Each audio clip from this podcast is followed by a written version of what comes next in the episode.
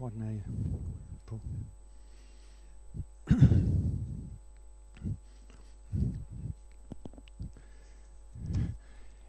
Ja, vi fortsætter. Og lidt her under punkt 4c om de muslimske menneskerettighedserklæringer. Og det er altså det specielle ved islam. Altså vi kristne, vi har altså ikke fundet det nødvendigt at lave specielle kristne menneskerettighedserklæringer. Men det har islam altså. Og de har lavet en lang række. En 5-6 stykker i hvert fald, øh, som jeg kender til og har læst. Um, men de er så lidt forskellige i indhold. Nogle af dem, de forsøger faktisk at få islam og, og påvise, at, at, at islam og, og forsøger at overbevise mus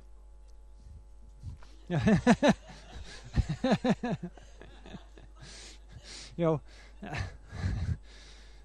yes.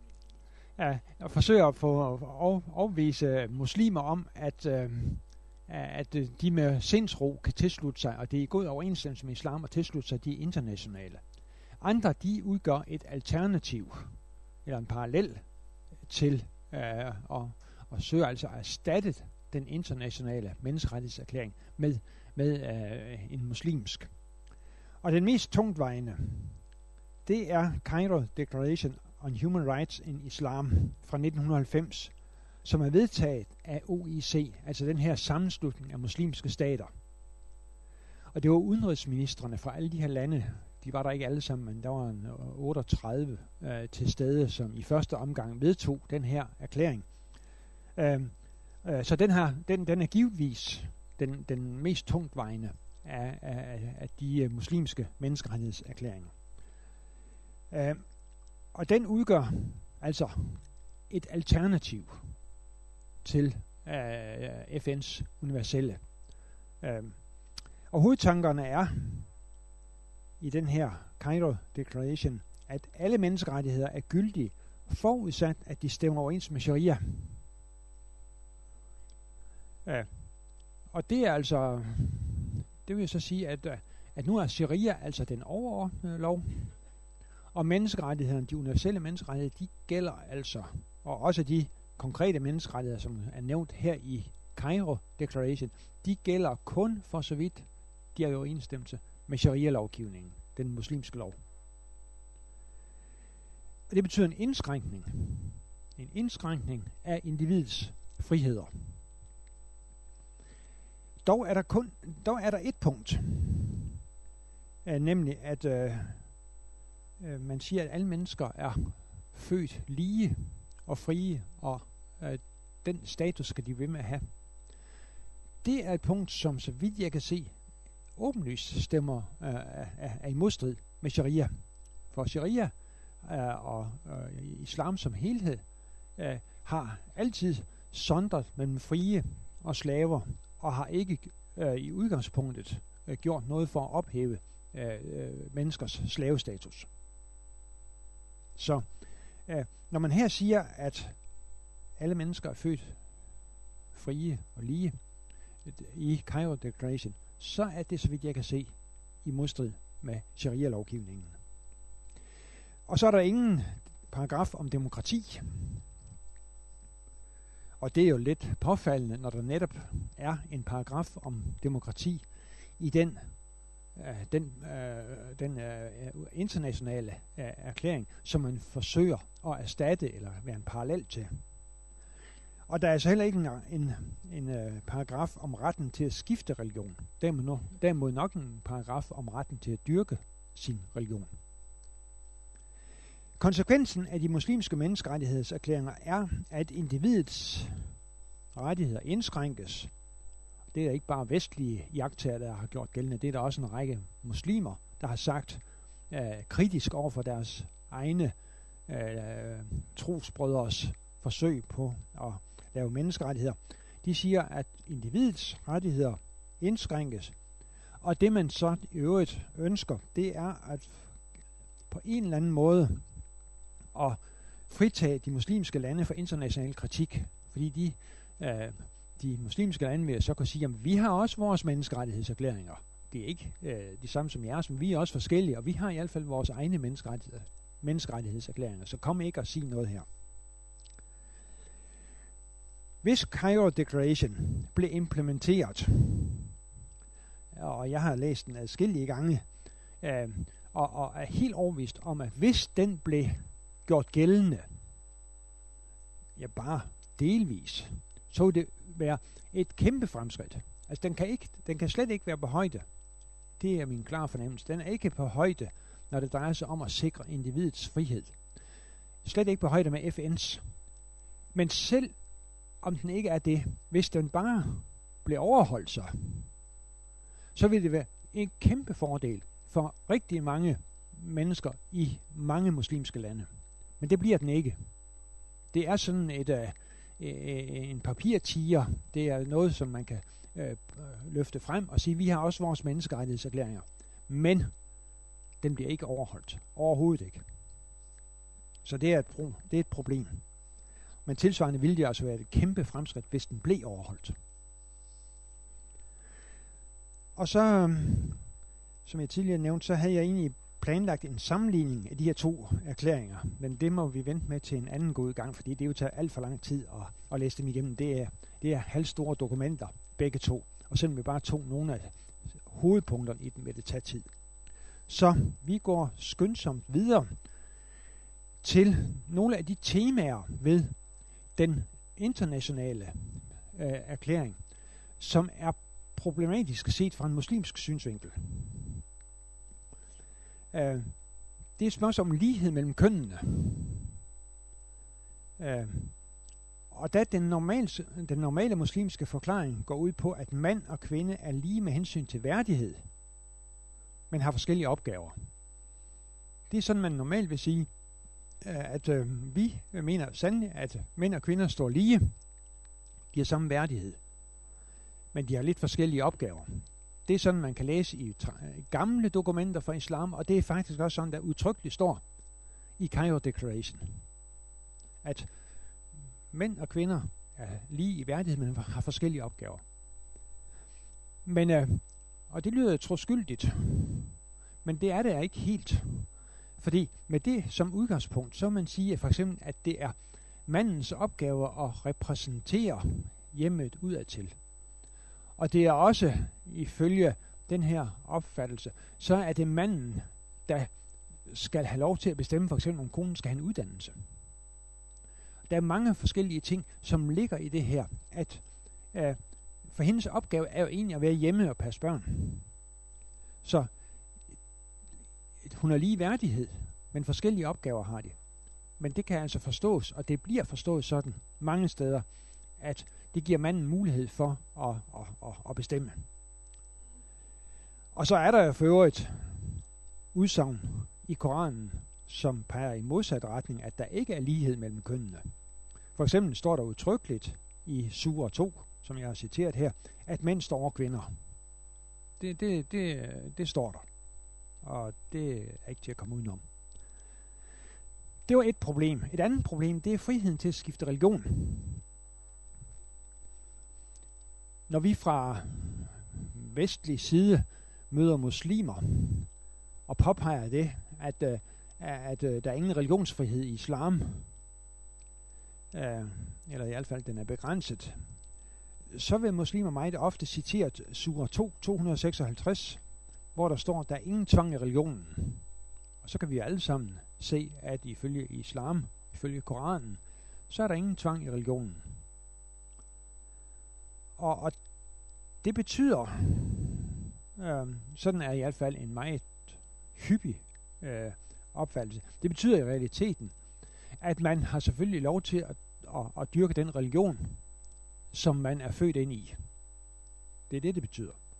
Der er ingen tvang i religionen. Man må have lov til at dyrke den øh, religion, man, man, man nu har. Øhm, så er der så den tilføjelse ofte i praksis, at man må altså også godt skifte fra en anden religion til islam. I den forstand er der heller ingen tvang i religionen. Men, men går man den modsatte vej, så gælder det ikke. Jeg lærte i gymnasiet begrebet en semipermeabel hende. hinde. Det er sådan noget med, at, uh, at man kan komme fra den ene side ind i, man kan komme fra, der er et membran, og man kan trænge igennem fra den ene ind i den anden, men man kan ikke komme tilbage igen. Og sådan gælder det her, øh, øh, øh, at øh, man kan godt komme fra andre religioner ind i islam, men den modsatte vej, den går ikke. Så det er friheden til at skifte religion. Og fordi FN's menneskerettighedserklæring, som nævnt, udtrykkeligt taler om frihed til at skifte religion, så var det altså, at Saudi-Arabien i udgangspunktet ikke kunne stemme for FN's menneskerettighedserklæring i 1948. Og så har islam også problemer med ytringsfriheden. Uh, man må ikke kritisere en ulama-vedtagelse.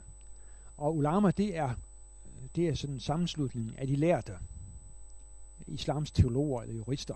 Hvis de har, er blevet enige om noget, uh, så er det det, der er gældende. Og så skal det ikke drages i tvivl. Det tror jeg nu nok, det bliver nu om dage af en lang række øh, unge, veluddannede muslimer, som, som stiller øh, de gamle beslutninger, stiller dem, øh, i, drager dem i tvivl. Men i princippet, øh, så gælder en, en, en sådan, det, det er ligesom lidt i gamle dage, når, når paven og koncilerne havde besluttet noget, så er det det, det galt.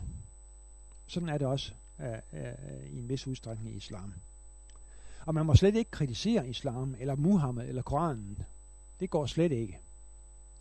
Øh, så er man i knibe, hvis man gør det. Så ytringsfriheden er et problem. Og det er selv danske muslimer, som har som ellers mener, at islam stort set vil kunne leve op til alle paragraferne i FN's menneskerettighedserklæring. De vil indrømme, at der er et problem, hvad angår ytringsfriheden. Så vil vi se på menneskerettighederne fra en kristen synsvinkel. Og der må vi jo så også fastslå, at menneskerettighederne, de findes ikke omtalt i Bibelen. Og de er også historisk set blevet mødt med kritik fra kristen hold. Det er slet ikke gået uden sværslag, at, at øh, øh, monarkiet, enevældet, at, at det er blevet øh, udskiftet mere eller mindre med demokratiet i en række vestlige lande. Der har været konservative kristne, som har ment, at det var en uting. Øh, men grundlæggende menneskerettigheder, øh, ja, nu blandede jeg demokratiet ind, men det gælder også menneskerettighederne. Grundlæggende menneskerettigheder harmonerer ikke desto mindre med bibelsk tænkning. Mennesket har et særligt værdi og bestemte rettigheder. Uh, det er det, der står i FN's erklæring, paragraf 1, at mennesket har en særlig værdi og bestemte rettigheder. Og det vil kristne kunne sige, jamen altså det har det, fordi det er skabt i Guds billede. Og egentlig er det et problem for menneskerettighederne, at de ikke, de siger bare, at mennesket har en værdi og har rettigheder. Men siger ikke rigtigt, giver ikke nogen teologisk eller filosofisk eller anden måde en, en, en, en egentlig begrundelse, hvorfor det er tilfældet. Og der kan vi som kristne komme og sige, jamen det er helt rigtigt, og det har det. Mennesket har den her værdi og rettigheder, fordi det er skabt i Guds billede. Og så vil kristne ofte være enige med muslimer i, i deres påpegning af svagheder ved FN's menneskerettighedserklæring. Uh, vi vil være enige i, at uh, der er lagt vældig meget vægt på, på, øh, på rettighederne og ikke på pligterne. At Gud er ligesom holdt ude af det. At der er fokuseret øh, på individet og ikke på fællesskabet. Øh, og, og flere af, af, af slige ting vil vi godt kunne komme og sige også fra kristenhold. Det er egentlig en svaghed. Så kristne vil altså ofte være enige med muslimer i deres påpegning af svaghederne. Øh, sådan at vi, og alligevel vil vi ikke afvise dem. Så vi befinder os på en måde i en mellemposition mellem muslimer, de radikale muslimers kritik, og så dem, der helt uhemmet bare tilslutter sig af FN's menneskerettighedserklæringer. Og vi må også sige, at en kristen etik, som bygger på næstekærlighedsbuddet, vil nødvendigvis måtte fokusere mere på ansvaret end på rettighederne. Vi bliver holdt til ansvar for, hvordan vi behandler det andet menneske. via næstekærlighedsbud og de ti bud. Og det er langt mere fremtrædende i, uh, i, i både Nye og Gamle Testamente, end tanken om, at det enkelte menneske har rettigheder. Nej, jeg har primært et ansvar. Og så kan man måske på forskellige vis også sige, at vi har også rettigheder som enkelte mennesker. Og så kan man overveje, hvorfor har kristne ikke formuleret deres egne menneskerettighedserklæringer? Det er måske fordi, det er trods alt menneskerettighederne, at de øh, trods alt øh, harmonerer, og det har man indset, at de harmonerer med en grundlæggende kristen tænkning om det enkelte menneske. Og også fordi menneskerettighederne, når det kommer til stykket, hvis man kigger de enkelte paragrafer igennem og prøver at tænke, er det her i overensstemmelse, eller er det i modstrid med kristen tankegang? Så vil det være sådan, at langt de fleste af paragrafer, de er i overensstemmelse med en grundlæggende kristen tankegang. Sådan at vi må sige, at også fra en kristen synsvinkel, at kampen for menneskerettighederne er en kamp for at beskytte det svage og sårbare menneske, og måske er den bedste beskyttelse, som vi har. Og dermed også en kamp for vores truede brødre og søstre mange steder i verden.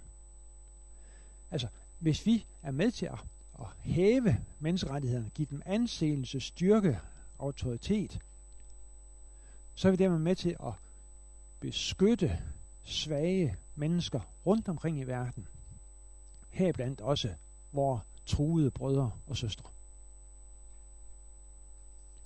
Og så har jeg nogle overvejelser om menneskerettighederne kan opfattes som naturlig lov. Det er sådan, inden for teologien og filosofien, der har man øh, gjort gældende, at der findes en naturlig lov. Noget, som mennesker kan tænke sig til, må være gældende. For eksempel ved Nürnberg-processerne efter 2. verdenskrig. Der blev den nazistiske krigsforbrydere, de sagde jo alle sammen, at de har bare handlet efter ordre. Den ene efter den anden hævdede det. Og det var ikke løgn. Men øh, så sagde man alligevel, jamen du ved, eller du burde vide, fordi du er et menneske, at det er forkert at dræbe uskyldige mennesker. Jøder, cigøjnere, øh, øh, åndssvage. Du, du ved, selvom du handlede efter ordre, så ved du, det var forkert. Eller du burde vide det, fordi du er et menneske. Og de bliver jo altså dømt, den ene efter den anden, med udgangspunkt i den naturlige lov. Og der kan man spørge, er menneskerettighedserklæringen en sådan udtryk for den naturlige lov, det som mennesker kan sige sig selv? Og det vil jeg egentlig mene langt på vej, at det er. Menneskerettigheden er en nutidig udgave af den naturlige lov, langt på vej. Så der sidst lige lidt om demokrati. Demokrati, det er omtalt i paragraf 21 i FN's menneskerettighedserklæring og udgør virkeliggørelsen af grundlæggende menneskerettigheder, fordi der her er tale om, at mennesker har lighed og frihed osv.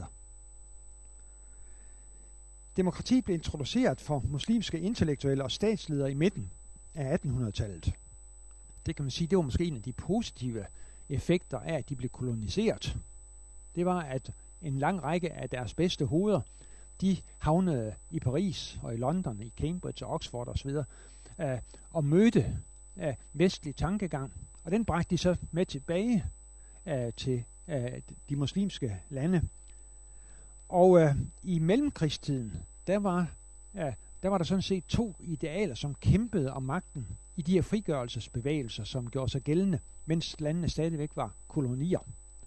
Og det ene, det var en mere sharia-baseret tankegang, at man ønskede at lave et samfund, som var sharia-baseret. Og en anden, det var, at man man øh, så mere i retning af, af den vestlige verden med demokratiske idealer.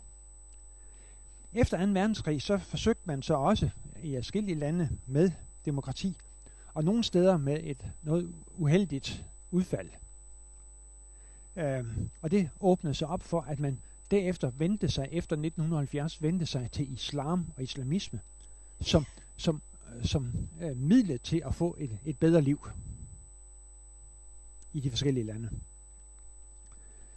Få, men vigtige muslimske lande har til synligheden et relativt stabilt demokrati. Verdens største muslimske land, eller det med den største muslimske befolkning, Indonesien, har til synlædende et stabilt demokrati. Tyrkiet har inden for de sidste 20 år vel også fået et rimeligt stabilt demokrati.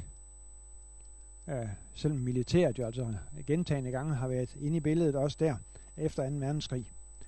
Øh, nogle radikale muslimer benytter til synligheden demokratiet for at få indført en ikke-demokratisk styreform.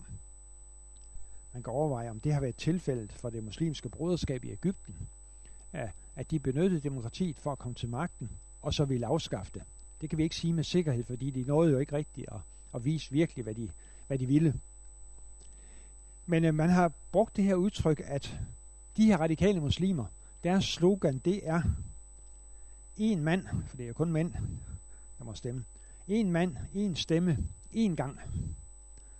For når først de får magten, så afskaffer de det. Altså demokratiet bliver brugt som en, en, en, en vej ind til magt, og når de så har fået den, så afskaffer de den. Demokrati.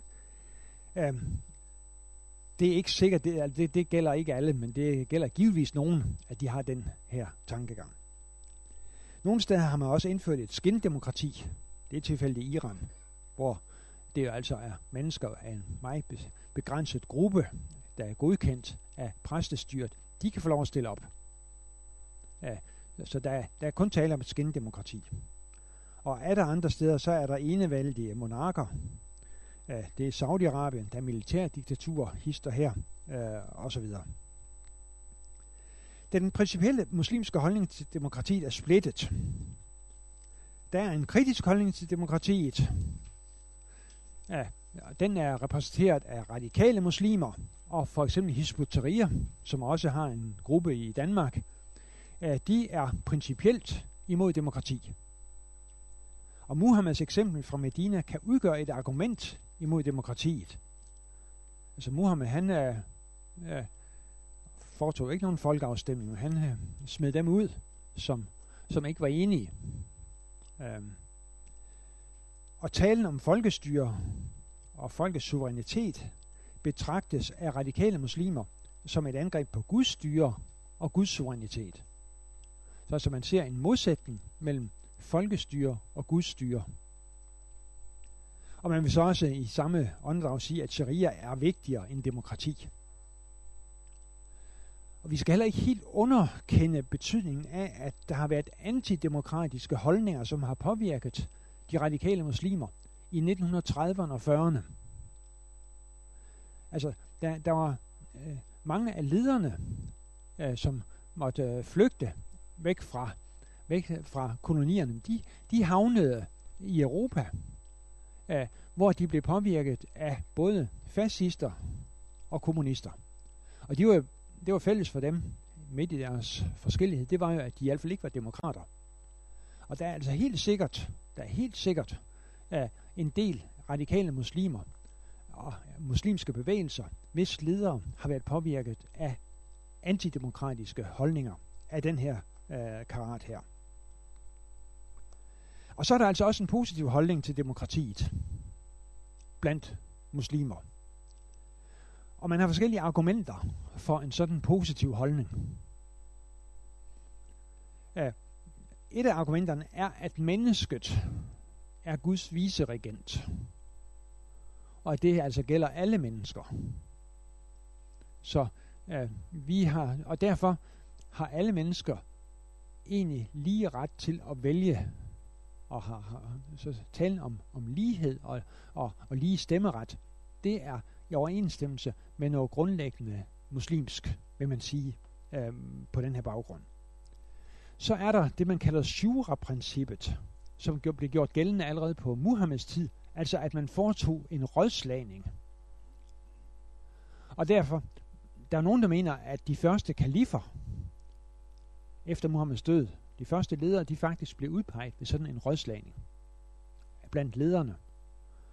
Ja, og det vil man sige, det kan man, det kan man udvide det her princip, så det kommer til at gælde generelt. Og dermed er vi inde på sådan set ytringsfriheden.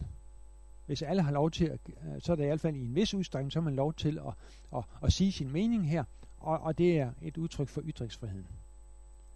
Og ligheden, når det drejer sig om at, at, at, at have lige vægt, når det drejer sig om at, at, at vælge regering og at vælge hersker. Der er så lige det princip, at, at shura-princippet til synlædende fra begyndelsen af i hvert fald kun galt lederne, og slet ikke alle muslimer. Men det kunne man selvfølgelig netop udvide til at gælde alle. Og det er der altså nogle muslimer, som går ind for demokrati, vil sige, jamen det her demokrati harmonerer fint med islam, fordi det harmonerer fint med shura-princippet. Mange muslimer i den vestlige verden og blandt de intellektuelle i de muslimske lande ønsker til synligheden et demokrati efter vestligt mønster. Det er, hvis man foretager en opinionsundersøgelse blandt muslimer i Danmark, så er jeg temmelig sikker på, at de vil sige, at vi har det vældig fint. Og det er altså også sådan, Abdul Wahid Pedersen har sagt, at uh, vi har det vældig fint med den danske samfundsmodel. Og der er mange muslimer, også i de muslimske lande, der ønsker at forene demokrati og islam. Og det er sådan en tredje holdning. Altså nu har jeg, nu har jeg nævnt dem, der havde en negativ holdning, dem, der havde en positiv holdning. Og så er der altså en tredje holdning her. Nemlig, at man ikke vil have demokrati efter vestlig mønster. Uh, men man vil gerne have en speciel form, hvor man kombinerer demokrati og så bundhed til islam. Bundhed til sharia. Hvordan det så i princippet skal komme til at fungere, det er slet ikke let at indse. Men det er det, man gerne vil. Altså jeg har læst en undersøgelse, øh, øh, som er foretaget blandt øh, mange tusinde muslimer over en lang årrække i en lang række lande, og det er i, selv i Ægypten, der var der enighed om, der var stort flertal for demokrati blandt muslimer. Men altså også et lige så stort flertal for, at et sådan demokrati, det skulle, være, det skulle harmonere med islam. Altså, og sharia. Hvordan man så får det til at hænge helt sammen, det har jeg så også vist sig, at det har de ikke haft helt let ved. Og så lidt om det kristne syn på demokrati. Vi må sige, at demokratiet er ikke en bibelsk funderet samfundsmodel, og den har været genstand for betydelig kritik for konservativt kristent hold. Men demokratiet er i dens nutidige form opstået inden for den kristne kulturkreds, og demokratiet harmonerer med en lang række kristne tanker, blandt andet tanken om alle menneskers ligeværd. Og aktuelt kender jeg ikke nogen, jeg har ikke mødt nogen kristne, som egentlig vil gå ind for noget andet end et velfungerende demokrati. Og så lige inden vi holder, eller vi stopper og, og går over til samtale, så vil jeg vende tilbage til noget helt, helt andet. Vi har her i de her aften, der har vi set på ligheder og, ligheder og forskelle mellem islam og kristendommen. Og jeg vil så, um, nogle af de punkter, vi har set på, det har været synet på Jesus og synet på Gud. Hvordan er forskellen og ligheden her er mellem islam og kristendom? Det har været den den første og den tredje gang, hvor vi har været inde på det. Og så i går, mens jeg var i kirke, og vi sang den sidste salme til den gudstjeneste, jeg var ved, det var salme 57, så gik det op for mig, her har vi sandelig hovedforskellen mellem islam og kristendom. Og det kan så kontrasteres lidt med salme 7 i den danske salmebog, hvor vi så også har noget af det, som man godt kan være enige om inden for islam. Altså man kan godt være, og kristendom, man kan være enige om Guds herredømme, hans skabermagt, at Gud han er den stærke. Det er den kendte salme 7. Herre Gud, dit dyre navn og ære. Det udtrykker det. Det vil en muslim for mig at se kunne synge med på det hele, måske lige bortset fra det med Guds rige til slut. Men ser vi så på salme 57, nummer 57, så vil en muslim her stå helt af. Det er en gudsforståelse og et syn, som er totalt forskellig fra islams. Vi prøver at læse. Herre, fordi du ikke lod guddomskraft smede til krone, dermed valgte hånsord og fattigdom, ved vi, hvem Gud er. Altså hånsord og fattigdom fordi Jesus han altså som Guds billede vælger fattigdommen og hånden, så ved vi, at sådan er Gud. Herre, fordi du lydigt gik vejen ud, døde på korset, ved vi, hvad sejr er. Ved vi, hvad vælge er. Ved vi, hvad Gud er.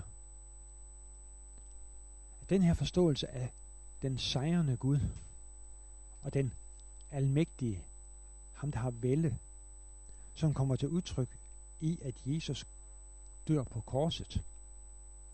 Det er også aldeles uforeneligt med islams forståelse af Gud. Herre, fordi du var hos de pinte her, var hos de dømte, ved vi, at ingen ensomhed findes mere. Ved vi, hvor Gud er.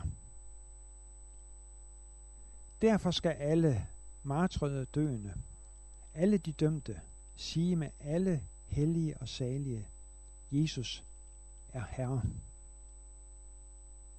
Og det kan ingen muslim sige. Derfor skal alle verdener, væsener, alt som har været, er og skal komme, hin dag bekende det. Jesus er Herre. Jeg har været inde på tidligere, at en lang række af de ting, som vi kritiserer islam for, det findes et eller andet sted som et perifert og måske også et ubibelsk element, også i kristendom.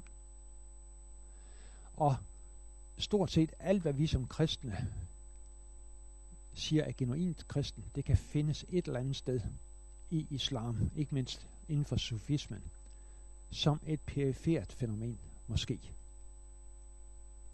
Lige bortset fra synet på Jesus. Og det syn på Gud, som Jesus han afslører, og som kommer til udtryk her. Det vil ingen muslim kunne skrive under på. Så er han ikke længere muslim. Ja. Ja, så er det jeg. Ja.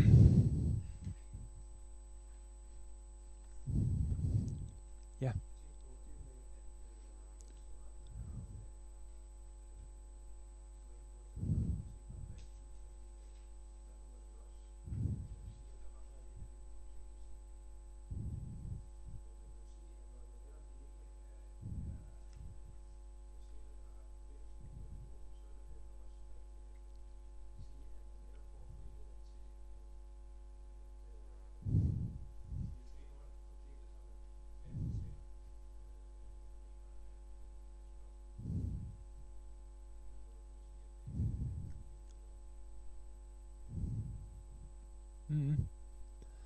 Og man vil sikkert også kunne sige, at hvis der er nogle, hvis der er nogle rettigheder, der gælder universelt, så man derudfra måske også kunne sige, at der er nogle pligter. Omvendt. Hvis, øh, hvis øh, man siger, at alle mennesker har rettighed til at bevare et, et, et, et, et, et godt frit liv, øh, så giver det også os alle sammen pligter til at hjælpe den menneske til at, at, at, at få sådan et liv. Øh, så. Men, men det er jo rigtigt, at, øh, at øh, man godt kunne, kunne, kunne sige det på den måde, som du også gør det. Men alligevel så synes jeg, at jeg nok jeg vil give muslimer ret, og også de kristne, der påpeger det, at det er, ja, at det, det er påfaldende, at, øh, at det er rettighederne, mine rettigheder, hvad, hvad der skal gøres for at passe på mig, uh, at det er det, der bliver fokuseret. Uh, og ikke, hvad det vil være akkurat lige så naturligt, hvad jeg skal gøre for at hjælpe næsten.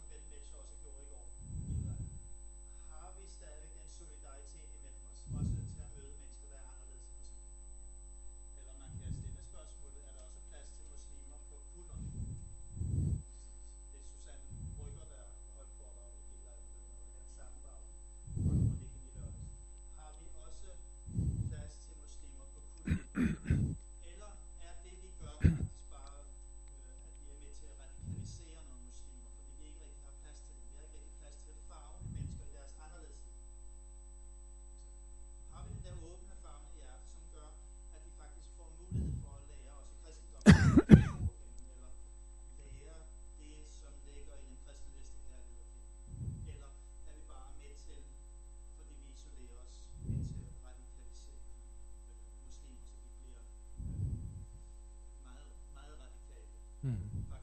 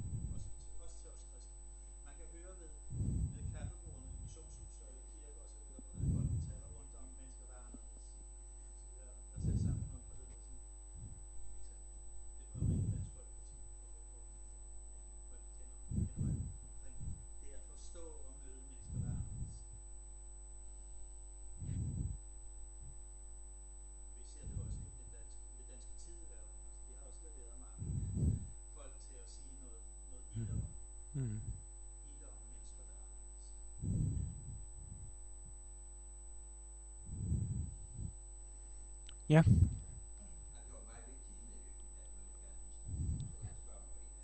Ja,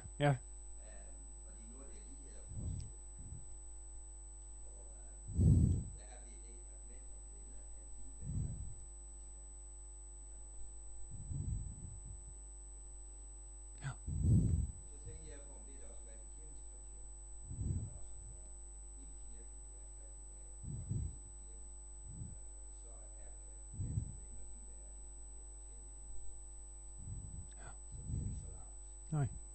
Nej.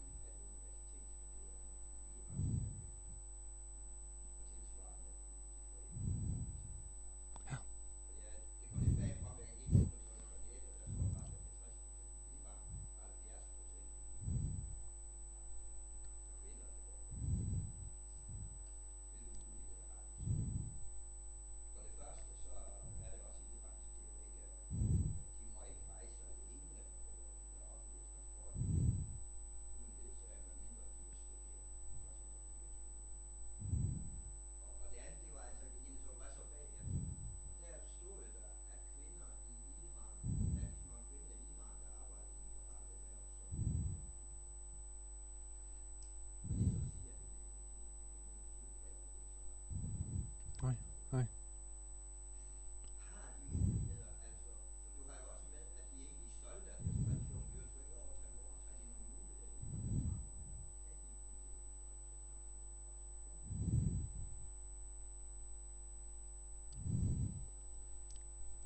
Det har jeg ikke sådan konkret viden om. Jeg har ikke været i Iran.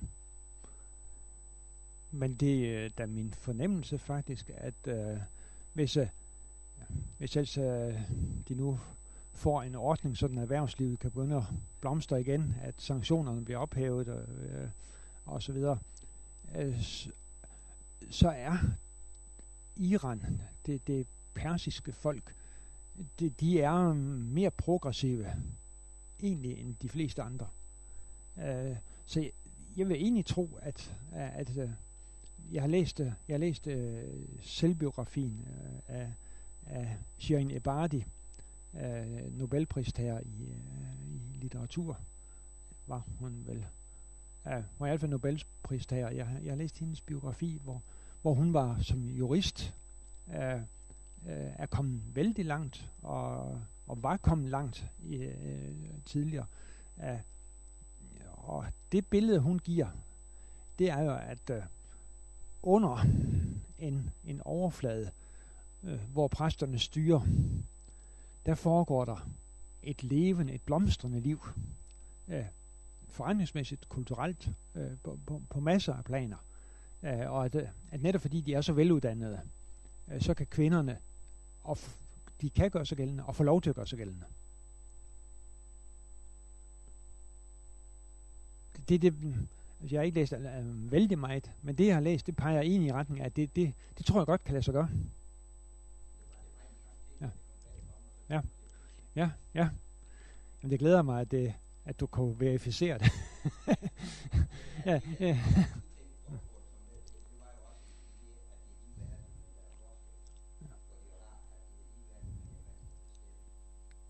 Mm. Ja. Ja. Jo, jo.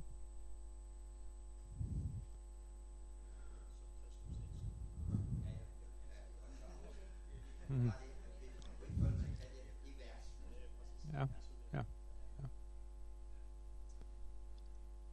Jo, men det er også det, jeg siger så, at, øh, at mange af de ting, som muslimer, som vi øh, kritiserer dem for, der skal vi gribe i vores egen barm og sige, jamen, øh, vi, øh, ja, vi, vi skal passe på, hvad vi siger her, fordi vi, vi uh, det kan også vende til os selv. Ja.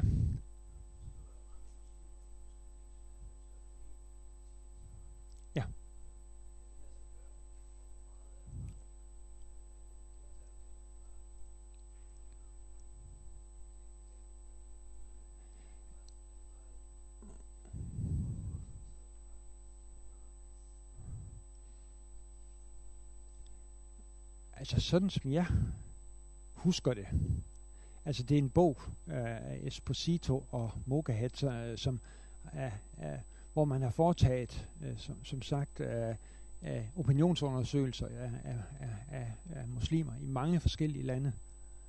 Og der er det i Ægypten og en, og en, en række lande, så er det et stort flertal. Et stort flertal, som ønsker demokrati. Og det de, altså, der er mange ting med Vesten, som de ikke synes særlig meget om. Uh, og som de overhovedet ikke har lyst til at, at, at, at kopiere. Men demokratiet, det har de en meget, uh, det har de meget uh, idealiseret billede af, at det er noget godt, som Vesten har, og som vi ikke har. Så demokrati, det vil man gerne have. Og så, når man så spørger, jamen hvordan skal det være øh, en vestlig lovgivning, eller skal det være sharia, der, der, der i øvrigt kommer til at gælde, så vil de sige, jamen det skal kombineres med sharia. Og det kan være både mænd og kvinder, at de, øh, de vil sige, at demokrati vil vi gerne have, men det skal være noget, der harmonerer. Det skal ikke være en, en, den vestlige form, men det skal være noget, der harmonerer med, med, med islam. Hvordan det så kan lade sig gøre, det har vi jo sådan set endnu vel, i, øh, og, i udsigt og se, hvordan det, hvordan, hvordan det, om det kan lade sig gøre. Altså måske at det, der foregår i Tyrkiet lige nu, hvor det på den ene side er demokrati, det, det er vi i hvert fald, det har vi lov at tro, indtil øh, øh, Erdogan han nægter at gå af, hvis han taber øh, det næste valg. Øh, så indtil videre, så har vi lov at tro, at det er, at det er et, øh, et holdbart, stabilt demokrati. Og han forsøger så samtidig at, at, at, at øh, gøre det til øh, at harmonere det med traditionelle islamiske værdier, muslimske værdier. Så måske er det, der vi ser i Tyrkiet nu, et eksempel på man, det her forsøg.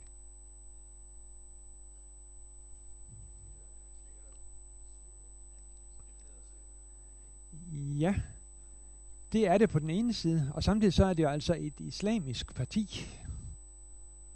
Ganske vist moderat, men et erklæret uh, islamisk parti, som sidder ved magten, har vundet uh, to valg. Han har siddet ved magten nu i, i 10 år.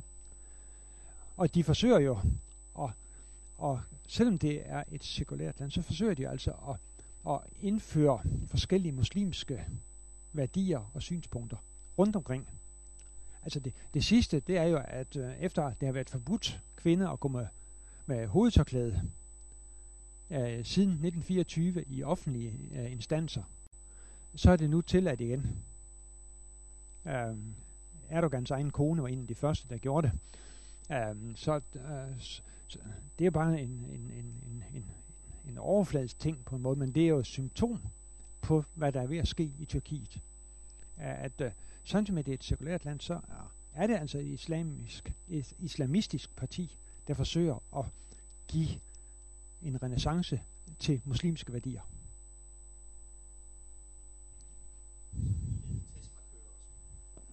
Mm, mm.